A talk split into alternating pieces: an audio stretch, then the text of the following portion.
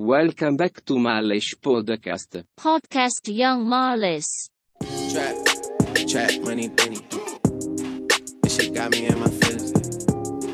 Be- Halo semua Welcome back to Mals Podcast Gue tahu bukan waktu yang Sebentar gue libur Maksud gue Gue tahu gue akhir-akhir ini Sama temen gue yang biasa nemenin gue Banyak banget ke- Kesibukan Jadi nggak bisa fokus nggak bisa Totally control di pod- this podcast. So gue hari ini sendiri Gue bakal karena tadi gue bikin insta story dan banyak banget yang request ke gue Eh, banyak gue, gue bikin polling gimana kalau kita bikin episode soal siapa nih yang kira-kira dapat place in playoff or play in or nanti ada play in turnamen.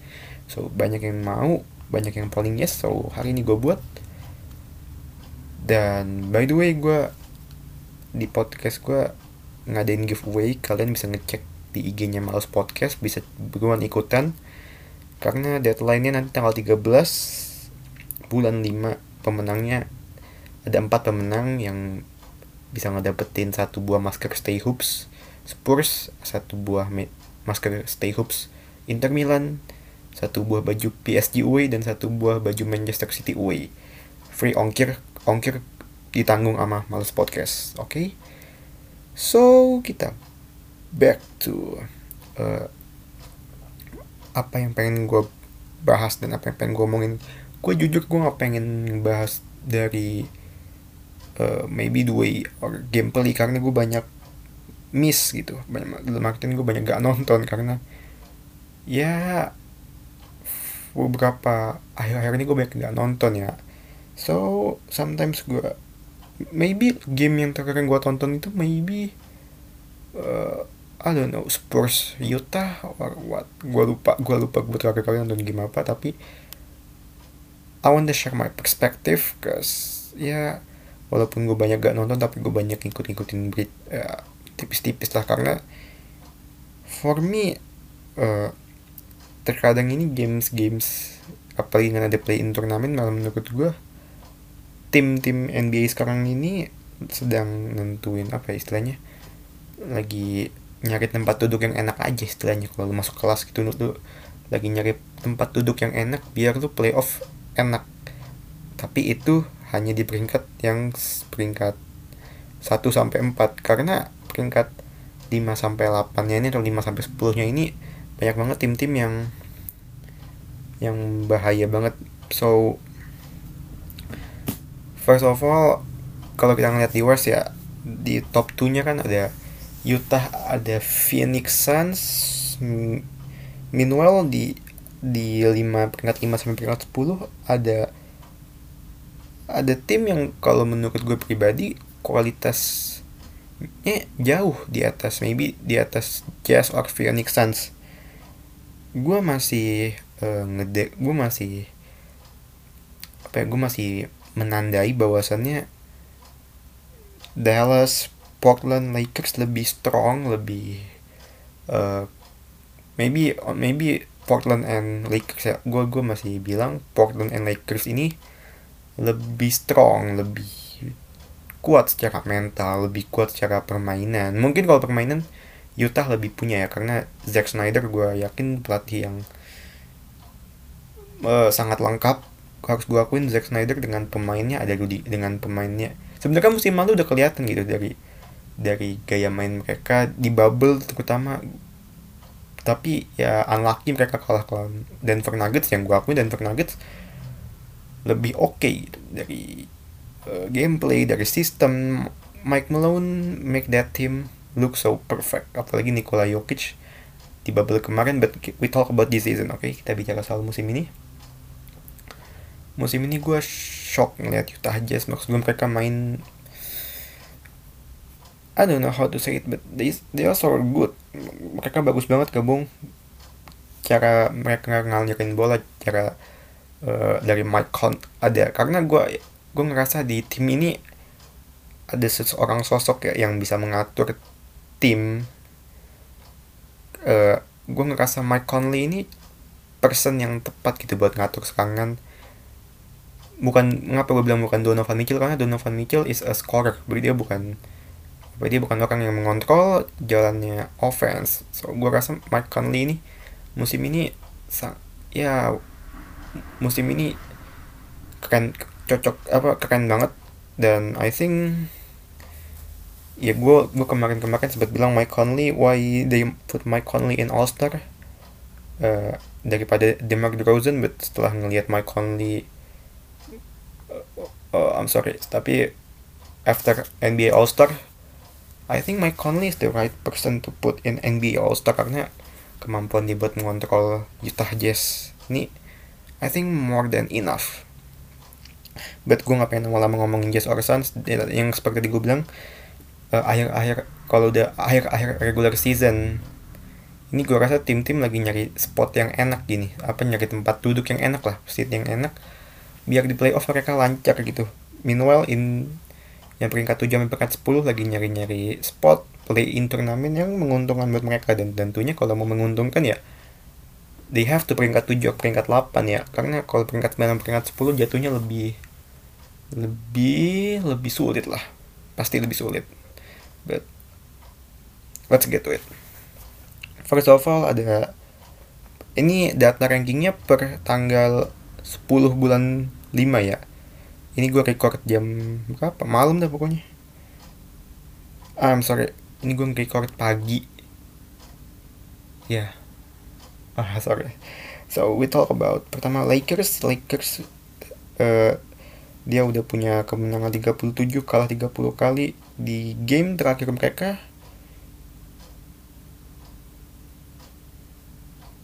I know they apa ya istilahnya? They put a bad game gitu di game terakhir mereka. Uh, kemarin kalau gue nggak salah ya, game terakhir mereka they put a bad game ya seperti yang gue bilang ya maksud gue uh, Frank uh, maksud gue uh, kapasitas pema atau uh, kualitas squad tim ini? For me hmm, I'm sorry to say but oh but ya yeah, doesn't good enough gitu. Maksud gue buat mereka reigning champion harusnya mereka jadi contender champion juga musim ini tapi kalau ngeliat kapasitas pemain mereka kualitas pemain mereka uh, sangat gak cocok ya sama sistemnya Frank Vogel. But I don't think Frank Vogel have apa plan B buat tim ini. Di game hari Sabtu bukan sorry sorry di game hari Sabtu bukan game kemarin sorry sorry. Di game hari hari Sabtu kemarin pun lawan di saat mereka kalah lawan Blazers. Walaupun kalah tipis sih cuma beda dua setengah bola. But if we apa ya, kalau kita mencermati itu Lakers ini the big problem gue rasa problem yang musim lalu juga terjadi di, di squad Lakers ya. Three pointer mereka ini masih angin-anginan. Meanwhile uh, I don't know sistem sistemnya Frank Vogel ini kan kadang-kadang suka masang dua tower ya. Dua dua pemain tower dua pemain big man atau mungkin center yang bener-bener center yang ya center yang bener-bener center yang multifungsi. Serba bisa. Makanya gue makanya gue mengerti kenapa di uh, transfer kemarin atau di pas trade kemarin mereka uh, ngambil Mark Gasol karena sistemnya Vogel itu kan kayak gitu. Mereka dia butuh sebuah big man yang bisa uh, versatile atau serba bisa. Big man big man mungkin kalau kita ngeliat di masa di zaman dulu ada Kevin Garnett yang bisa versatile ya. Kalau sekarang Jokic tapi Jokic ya terlalu average lah. Ya ada ada Anthony Davis yang sangat bisa versatile jadi scorer juga. Tapi kan Davis ini kan butuh disupport juga. Dia butuh bantuan dia butuh support dia butuh uh, maybe clean look atau mungkin open space dari teman-temannya. Dia makanya I always say that if Frank Vogel doesn't change the way he play, doesn't change, uh, um, I don't know how to say, it, doesn't change the yeah, the way they play. Karena secara transisi Lakers musim ini nggak terlalu bagus. Di mana musim lalu transisi Lakers paling oke tapi sekarang musim transisi Lakers. For me ya for me transisi Lakers gak terlalu bagus. Lalu yang kedua di uh, towernya Lakers ini bukan apa ya, banyak banyak tower yang menurut gue tower atau big man-nya Lakers yang uh, di bawah rata-rata. Even gue even gue state pun Andre Drummond doesn't that good gitu. Andre Drummond ya it doesn't that good gitu. Montrezl Harrell so-so Mark Gasol angin-anginan ya yang paling bisa dimanfaatin ya Anthony Davis. Be beda sama musim lalu di saat mereka punya Dwight Howard walaupun Dwight Howard secara points gak terlalu bagus but Dwight Howard ini pemain yang gue akuin pintar gitu. Secara defense he and then Jeffrey McGee ya kalian kalau nggak Jeffrey McGee di Nuggets Nuggets sekarang pasti kalian sekarang ngerti betapa pinternya seorang Jeffrey McGee but let's talk about Lakers ya about Lakers gue always uh, I don't know how to say it but the way they play they have to change the way they play. Karena they can put maksud gue nggak ada pemain yang punya kemampuan three point average di Lakers this season musim ini. To be to be fair ya nggak ada pemain yang punya skill three pointer yang average except kalau LeBron lagi on fire or maybe Davis. But yeah maybe Caldwell Pope KCP but come on he's angin-anginan juga. And Vogel have to change the way to be sure. Maksud gue dalam artian ya tower ganti ganti gaya main mereka change the change the change the way that tower play. Just just gunain aja satu orang satu orang yang bisa digunakan as a passive center tapi bisa ngebuka ruang. Karena kalau karena sejauh ini sistem ya for, uh, musim lalu tuh kebantu banyak kebantu sama iso isolation dari LeBron Davis. Tapi musim ini kan ya kamu lu udah mau play in turnamen uh, tim-tim pasti lebih put uh, uh, apa ya mungkin gue bilang di pressure defense pressure kan lebih tinggi gitu udah mau play in turnamen. And susah sekali di Lakers ini apa ya ya yang gue bilang tadi sistemnya Vogel ini gue rasa banyak tidak sering sekali tidak bisa dieksekusi ya gue harus kita akui bahwasannya three pointer atau shooter. Lakers banyak yang gak average skillnya. Skill shootingnya banyak yang gak average biasa-biasa aja. So so bahkan gue bilang harus diperbaiki dan ya change the way they play. Makanya gue, gue rasa daripada masang dua tower or ya tower yang bisa versatile mending pasang satu pasif tower tower yang pasif gitu. Model-model Steve Adams bikin mungkin Drummond bisa dipasang sana to make made a space for another player got the room to improve their skill their offense. So mungkin oh, mungkin bakal gak enak ditontonnya Lakers mainnya tapi ya come on. Sistemnya mereka sistemnya mereka pun juga nggak bisa menghidupi tim gitu nggak bisa menghidupi offense kecuali kalau lagi pada on fire kalau lagi pada bau three pointnya ya their offense yang enggak ya yang enggak ya, ya walaupun musim lalu walaupun musim lalu mereka juara tapi mereka itu sedikit diuntungkan karena secara kualitas pemain kualitas pemain mereka oke. Okay. ISO banyak pemain yang bisa isolation. And then ada gue rasa ada satu faktor di mana mereka itu kehilangan lockdown defender. Seorang defender yang bisa mengcover banyak area ya Danny Green. Makanya Danny Green ini sosok penting di Lakers apalagi dalam defense ya bukan dalam offense. So mungkin yang yang gue bilang tadi uh, come on Lakers change the way you play.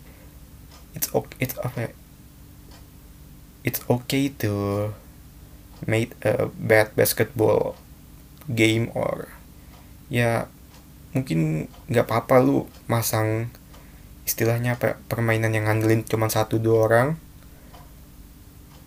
Tapi at least you win gitu. Bodo amat lu main jelek apa yang penting lu win dulu lu bisa dapet playoff baru dan nanti kita ngomongin sistem lu mau ngomongin sistem gaya main cantik lu kayak apa yang penting lu change the way dulu lu play bodo amat lu lima pemain uh, tapi ya itu yang gue bilang tadi skill pemain Lakers ya sosok gitu. Banyak pemain yang sosok ya ya makanya gue bilang come on Lakers. Uh, change the change change the way you play. And uh, ya kalau sistemnya lu nggak jalan ya udah pasang aja passive tower seorang passive center.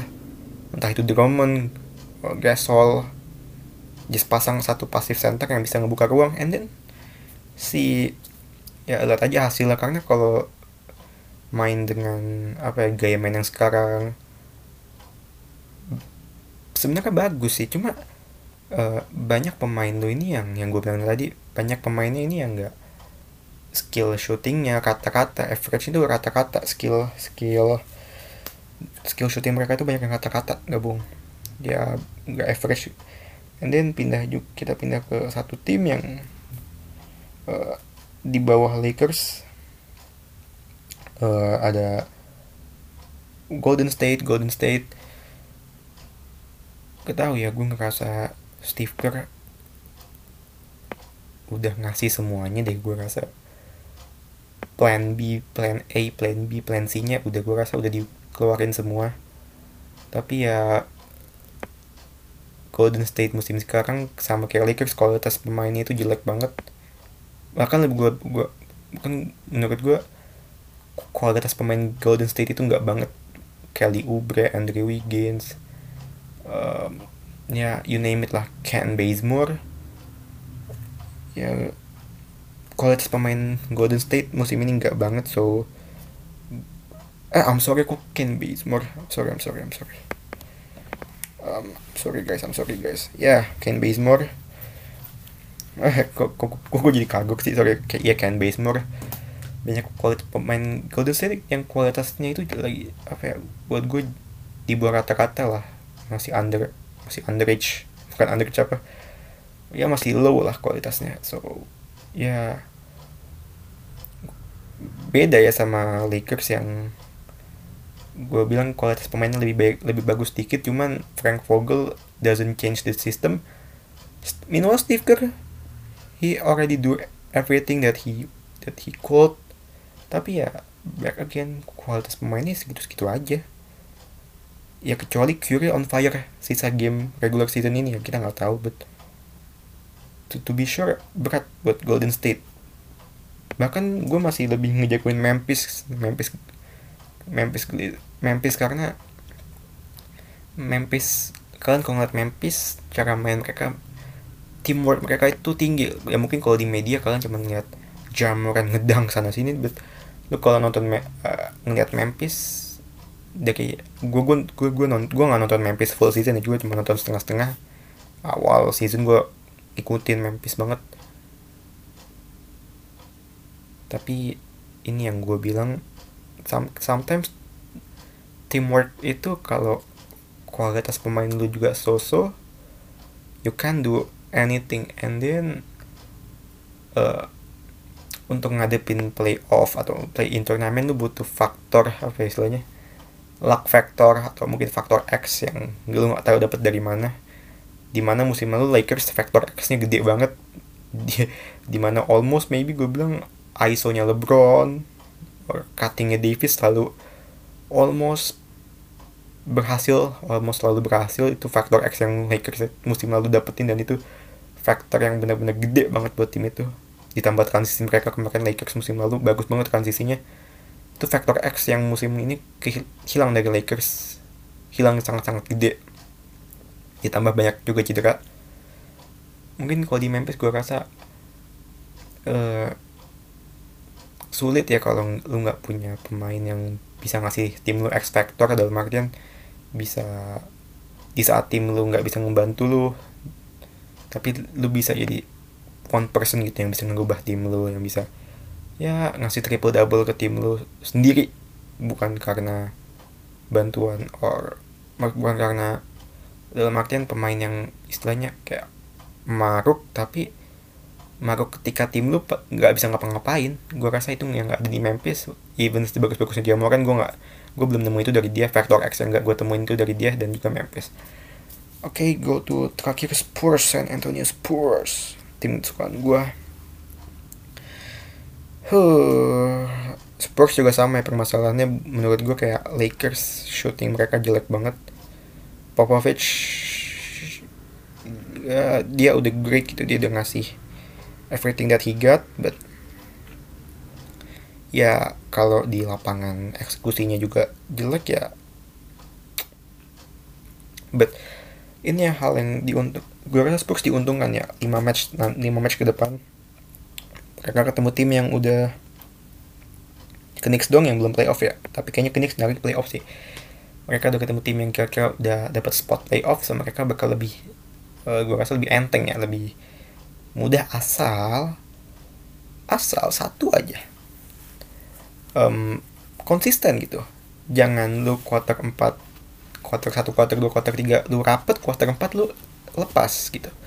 Ya gue tahu musim ini uh, Spurs banyak anak mudanya. Ada Keldon Johnson ada Devin Vassell ada ya you name it lah. Ya di musim ini kan Spurs kehilangan Davis Bertans di mana musim lalu gue akuin Davis Bertans ini punya pekan yang penting banget dalam 3 point dan musim ini Spurs jelek banget 3 pointnya. DeRozan I know he's a good player but he he cannot pull up from 3 gue dia dia nggak bisa pull up from 3 streak nggak bisa banyak-banyak pull up from 3 mungkin kalau cuma sekali dua kali bisa. Cuma dia bukan pemain yang tipe yang bisa nge-pull up from 3 dan is the problem for Spurs right now. Susah nemu pemain yang bisa pull up from three. Ditambah lagi defense mereka sering. Defense Spurs di di akhir kuarter 4 gue bilang PR banget sih buat Popovich PR yang sangat-sangat uh, harus disegala diselesaikan. Karena kalau enggak I don't know maybe Pelicans gue rasa ada kans juga sih kalau Spurs gak fix what they have to fix. Ya yeah, but ya yeah, who knows maybe mungkin kalau Spurs menang 5 game ini mungkin mereka bisa kali dapat peringkat 7 atau peringkat 6 who knows kan kita nggak yang tahu so yeah I think that is the that is the uh, that is the end of our podcast. Gue tahu gue hari ini kurang banget secara materi karena gue banyak yang karena gue banyak gak nonton juga ya so ya yeah, thank you buat kalian semua dengan ngedengerin. Jangan lupa ngikut giveaway. Tanggal 13 gue umumin siapa menangnya dan thank you so much for everyone. Bye bye